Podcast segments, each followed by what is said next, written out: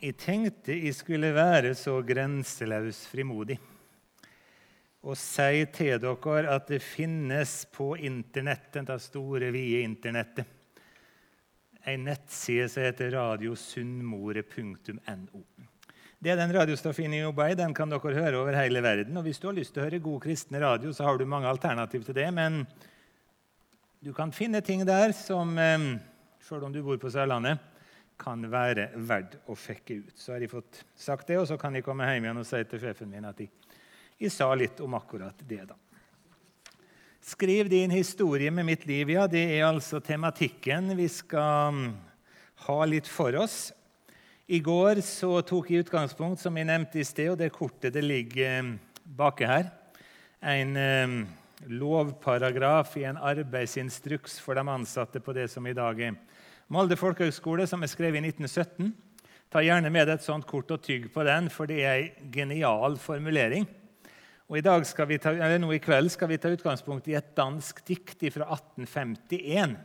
Og Det er ikke fordi at jeg er så veldig opptatt av å være mest mulig i gamle dager, men eh, av og til så kommer du over ting som setter seg fast, og um, der er vi akkurat nå. da. Skriv din historie med mitt liv. Jeg tenkte bare jeg skulle gjenta det som jeg sa i går. For Da så viste jeg dere bilde av kong Haakon. Fordi at et eller annet menneske måtte jeg vise bilde av. Og jeg las i vår den store åttebindsbiografien om kong Haakon, som eh, opplevde så mange ting. Levde i 87 år, var konge i Norge i 52 år. og Ingen menneske i moderne tid har vel betydd så mye for Norges land som det han gjorde. Eh, når det kommer til stykket, så er det denne lille grønne streken der som er kong Haakon sitt liv.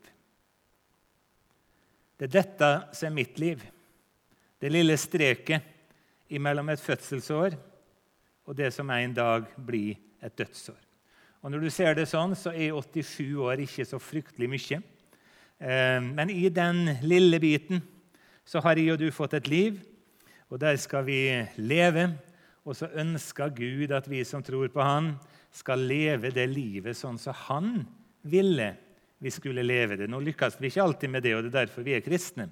For at vi trenger både tilgivelse og nåde og alt det. Det skal vi aldri la være å si. Men likevel så har vi et liv der hvor Gud har kalt oss til å leve sånn at han får skrive si historie med mitt liv. Det er jo ei setning i en sang som en del av dere har. Og Så skal vi altså snakke om det å leve på det jamme. Vi skal lese noen bibelord. Og så um, siste del av denne talen så skal jeg ta dere med inn i, um, i skyggesiden av mitt liv. Eh, ikke at de er så veldig, men jeg skal hente fram en del ting som har skjedd i mitt liv. Som har vært avgjørende viktig for meg, og så jeg tror dere kanskje både kan kjenne dere igjen i og lære. På det jevne det er skrevet av en dansk dikter som heter Hans Wilhelm og Jeg skal ikke si noe om han, men han skrev et, og det er et langt dikt. Men dette første verset, det er sånn På det jevne, på det jevne, ikke i det himmelblå. Der har livet satt ei stevne, der skal du din prøve stå.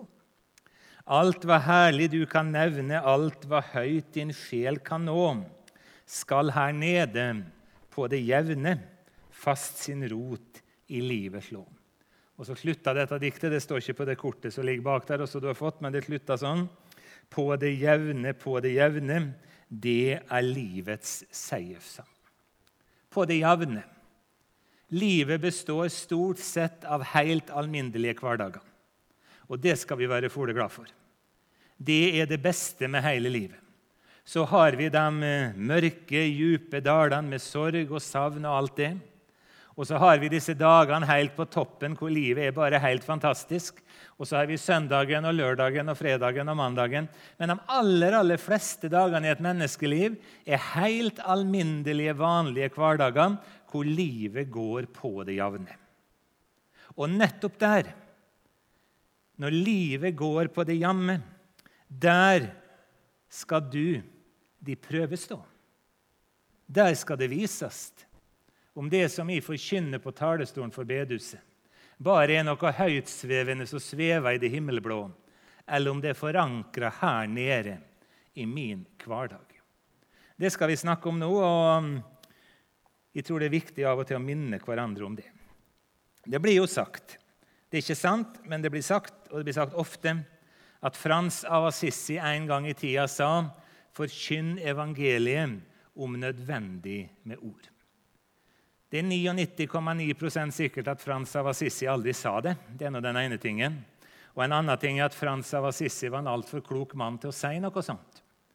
For selv om det er et visst poeng i denne setninga, så er det ei fullstendig meningsløs setning.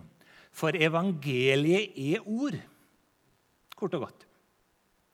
Og det går ikke an å formidle ord uten å bruke ord.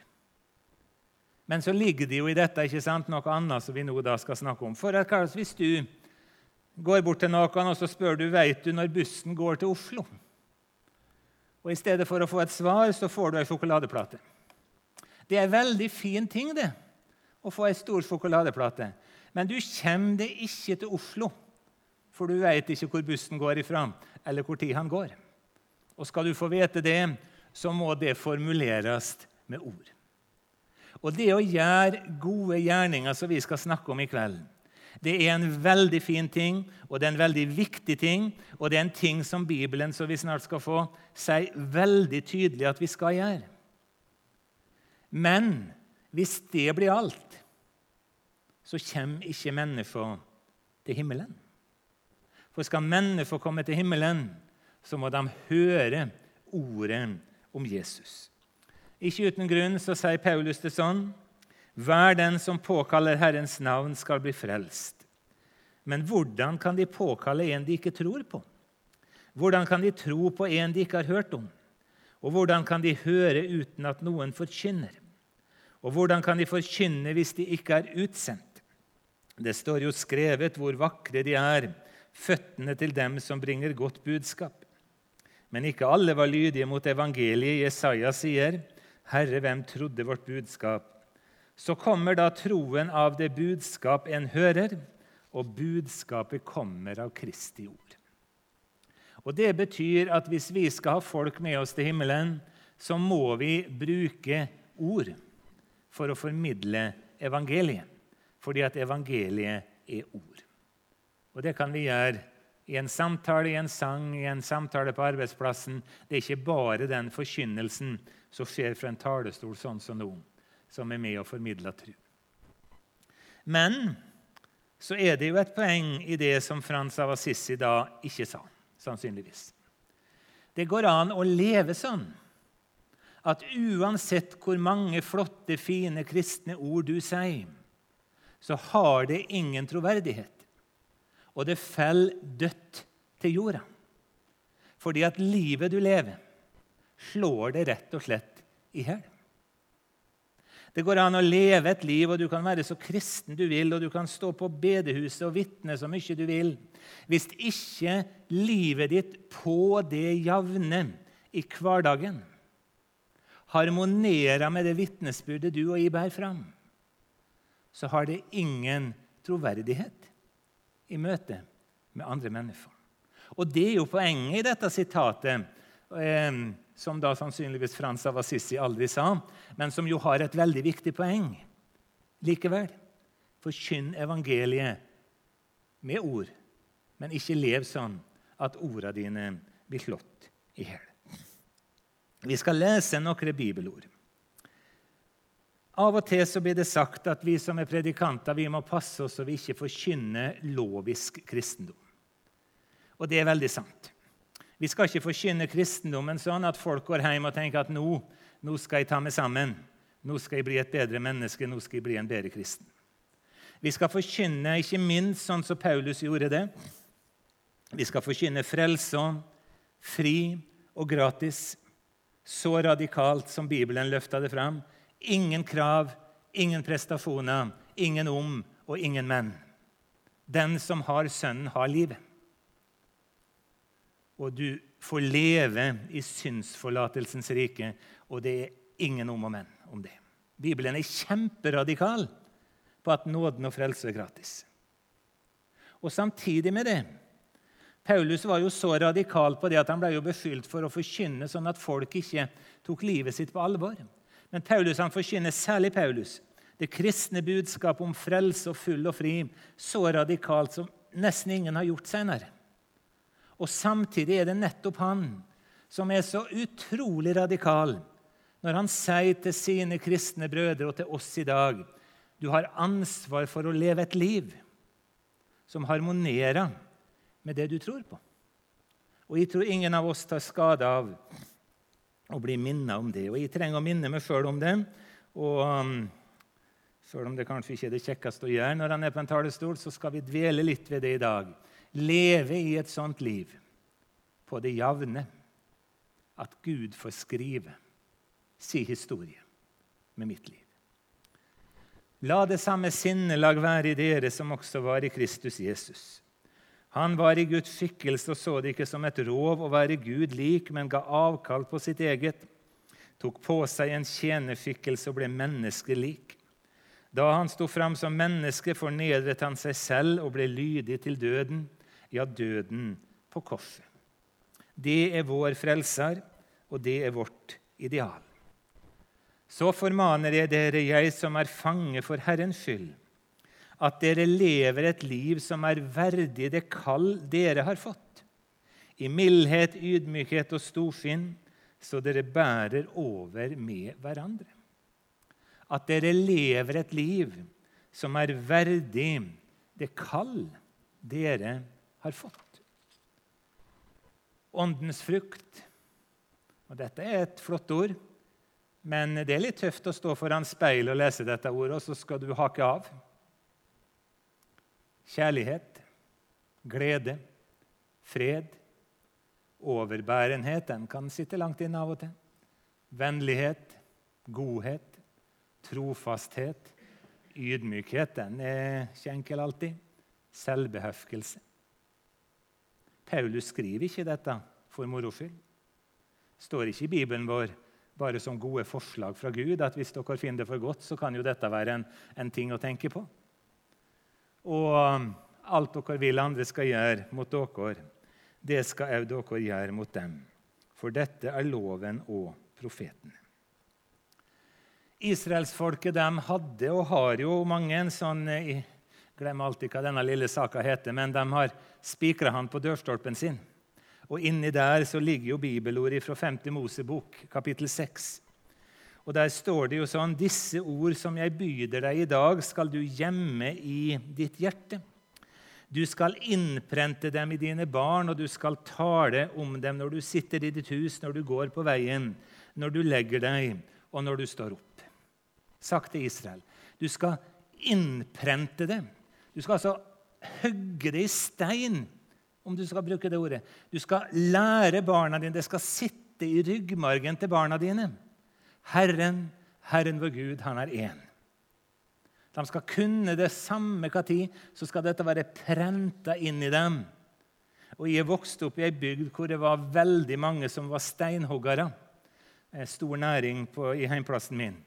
Og De satt med hammer og meisel og skrev navn på gravsteinene. Det gikk ikke bort så fort prenta inn. Og så finner du igjen det ordet. Her står det riktignok på hebraisk, men du finner det igjen på gresk i brevet til Titus. Dette er et troverdig ord, og jeg vil at du skal innprente det. Så de som er kommet til tro på Gud, blir ivrig etter å gjøre gode gjerninger. Blir ivrig etter å gjøre gode gjerninger. Det skal sitte i ryggmargen vår. Vi skal være ivrige etter å gjøre gode gjerninger. Alt dette er godt og gagnlig for menneskene, skriver Paulus. og det kan du merke det. Mine gode gjerninger, mitt hverdagsliv, har ingen stor betydning for Gud i himmelen. Men det har enorm betydning for mine medmennesker. Om jeg er en drittsekk, unnskyld uttrykket, mot naboen min eller ikke, så er jeg like rein og rettferdig og himmelen verdig Jesus. Men hverdagen til naboen min, for den og han og hun, betyr det noe. Og Nå skal jeg ta og brette opp litt sjela mi, ikke fordi det er så voldsomt, men jeg skal vise dere en fem-seks ting som jeg har opplevd i livet mitt. og som har vært helt avgjørende i mitt liv, og så får andre svare på om det faktisk viser igjen i det livet jeg lever. Jeg bor jo hos Ragnar Karin, og de har en hund. og Vi har eh, snakket litt om hund. Og dette Ragnaraud Karin, var den hunden som jeg hadde, som ikke lever lenger. Han heter Aron. da, for Skal det være navn, så skulle det være bibelsk og greier. Og når Aron ble en 10-11 eh, år, så fikk han det samme problemet som gamle mannfolk ofte gjør. Han må ofte på do om natta. Og dette sammenfalt med den tøffeste perioden jeg har hatt i mitt liv. Og den var lang. Skal ikke si mye om det nå, men I mange mange år så hadde jeg ei veldig veldig alvorlig sjuk kone som var helt pleietrengende, og det var en særdeles lang og krevende situasjon i mange år. Og så var det særlig én natt. Jeg hadde ikke sovet skikkelig på mange døgn. Det var masse som skjedde. Jeg var sliten, veldig sliten. Hadde endelig sovna når klokka er kvart over fire-halv fem. Så kommer denne hunden, stanga forsiktig opp rommet til soverommet, kommer bort og legger snuten på hånda mi og vekker meg, for han, han må på do. I mai. Og det var vår ute, vet du. Og jeg går der halvsur, halvtrøtt, fullstendig utslitt. Åpna døra og slipper den hunden ut, og da kunne han jo gått på do, men da måtte han jo springe seg en runde og alt det der som et dyr kan gjøre. Jeg hadde rett og slett på ramme alvor lyst til å drepe ham. Da hørte jeg ei stemme. Her skal du din prøve stå. Fra dette diktet. Er du en kristen, Ari Love? Det var jeg, og det var en hund. Og det var ingen andre der. Om jeg hadde sparka til han, det var ingen som hadde sett det. Å være en kristen, folkens, det handler om livet på det jamme. Det er der det skal vises om min forkynnelse er troverdig eller ikke. For alle kan være kristen, rett forstått når du står på talerstolen på bedehuset. Det er faktisk ikke så veldig vanskelig, det. På det jevne, på det jevne. Der har livet satt deg stevne. Der skal du, din prøve, stå. Så var jeg på butikken en gang og skulle kjøpe ja, jeg skulle ikke kjøpe, men jeg møtte ei dame som gikk mye på bedehuset. Vi gikk på bedehuset begge to. Og vi var enige om at vi treftes på bedehuset om en og en halv time, for det var møtehelg. Og jeg skulle ha noe frukt, og hun skulle ha potet. Og når du stabler poteten sånn som de gjør på butikkene, så kan de jo egentlig for det. da. At det raser potet ned og utover gulvet av og til. Og det gjorde det når hun skulle ta poteten sin en sju, åtte, ni poteter alle veier. Og så sier hun følgende De får plukke opp dem som jobber her. Og så går hun til kassa og betaler. Og så går jeg til kassa og betaler. Poteten ligger igjen. Time seinere står vi på bedehuset, og vi sang av hjertet begge to 'Jeg vil gjøre mitt liv til en lovsang for deg'. Er det sånn en kristen skal leve? på det jamme. Blitt mer og mer viktig for meg dette, at kristendom er ikke talestolen på bedehuset. Men det er disse bitte små tinga i min hverdag. En eller annen plukker opp igjen den poteten. Og jeg er ikke sikker på om den dagen var verken hennes sitt liv eller mitt liv. Den vakreste lovsangen som Gud noensinne hadde mottatt hadde jo ingenting å si med vår frelse. Rein og rettferdig for Gud. ikke sant? Det er jo det som er så fantastisk. Men ivrig etter å gjøre gode gjerninger. Noen av dere vet at eh, innerst i Romsdalen så ligger leirstedet Vistus. Det var et av de aller første leirstedene som ble tatt i bruk både for NLM og IMF. Og Der har jeg vært mye. og Veiene dit inn er omtrent på den standarden der. Og Jeg hadde vært der en gang, og jeg hadde talt på et møte. Et stevne. Og jeg hadde talt godt, folkens. Jeg hadde talt skikkelig godt. Og folk sto i kø og takka for den fantastiske talen. Og det var liksom en av disse dagene hvor du virkelig kjenner at ja, det er godt de har med som forkynner. Det er godt. Og så ligger visst du sånn til at For å komme der i Bodø den gangen så kan du enten kjøre to mil ta ei bitte lita ferge, kjøre ei mil og ta ei ny ferge, og så er du hjemme. Eller så må du kjøre rundt hele Romsdalen. Det er 15 mil ekstra. Eh, og Det var en lørdag, og det var lenge mellom hver ferge. Så når jeg kjørte fra Vistus, etter da holdt denne fantastiske talen, så ser jeg det at jeg kan jo rekke denne ferga og spare med denne lange, lange, lange omveien. Og etter tre-fire kilometer så ser jeg en rød Volvo midt i veien. Og jeg skjønte hva som kom til å skje. I den bilen så satt det to eldre ektepar, fantastisk gode misjonsvenner. Ikke fullt så god før. Og de var i full diskusjon, sannsynligvis om min fantastiske tale. Tror jeg iallfall. Og bilen gikk fra den ene sida av veien til den andre i 45 km i timen. Alt det fromme som jeg hadde stått for på talerstolen, var blåst bort på et sekund. Og jeg visste skal jeg rekke den ferga, så må jeg komme forbi. Og skal jeg komme forbi, så må jeg fløyte. Og fløyter jeg, så skremmer jeg dem, så de kjører i grøfta. Og da kommer det til å stå på framsida av avisa 'Aggressiv predikant presset misjonsfolk i grøfta'. Det var den eneste grunnen til at jeg ikke fløyta. På det jevne, på det jevne. Ikke i det himmelblå. Der har livet satt deg stevne. Der skal du din prøve stå. Jeg måtte ha en veldig alvorlig samtale med meg sjøl når jeg ikke nådde den ferga og endelig komme forbi den bilen. Er det sammenhenger i lovet? Mellom det du formidler som misjonspredikant og misjonsleder, og det livet du lever når ingen ser det?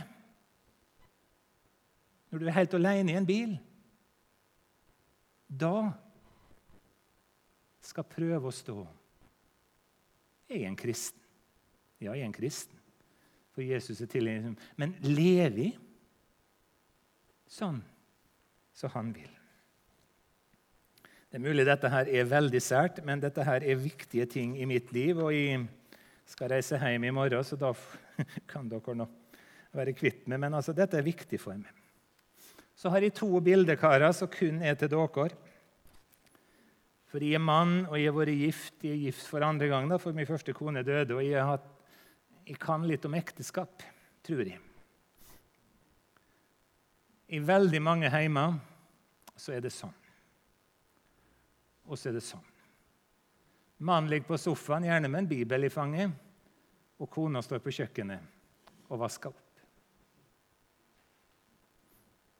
Der har livet satt ei stevne. Jeg nevnte i sted ikke sant, Molde Indremisjon hadde festkomité. Det var menn som bestemte hvem som skulle inn i festkomiteen, men det var kun damer som kunne velges inn der. Hadde alt kjøkkenarbeidet på bedehuset i år etter år etter år etter år. Ja, vi kan alltids le. Jeg tror ikke det er bare der det har født. Og hvor mange ganger er det ikke sånn, da? Iallfall har jeg opplevd det. Det står en del karer bakerst i salen eller i gangen etter møte med Bibelen over brystkassa og diskuterer både tale og de store, dype teologiske ting. Mens damene står på kjøkkenet eller vasker gulvet i møtesalen. Det er ikke gitt at alle skal vaske gulv,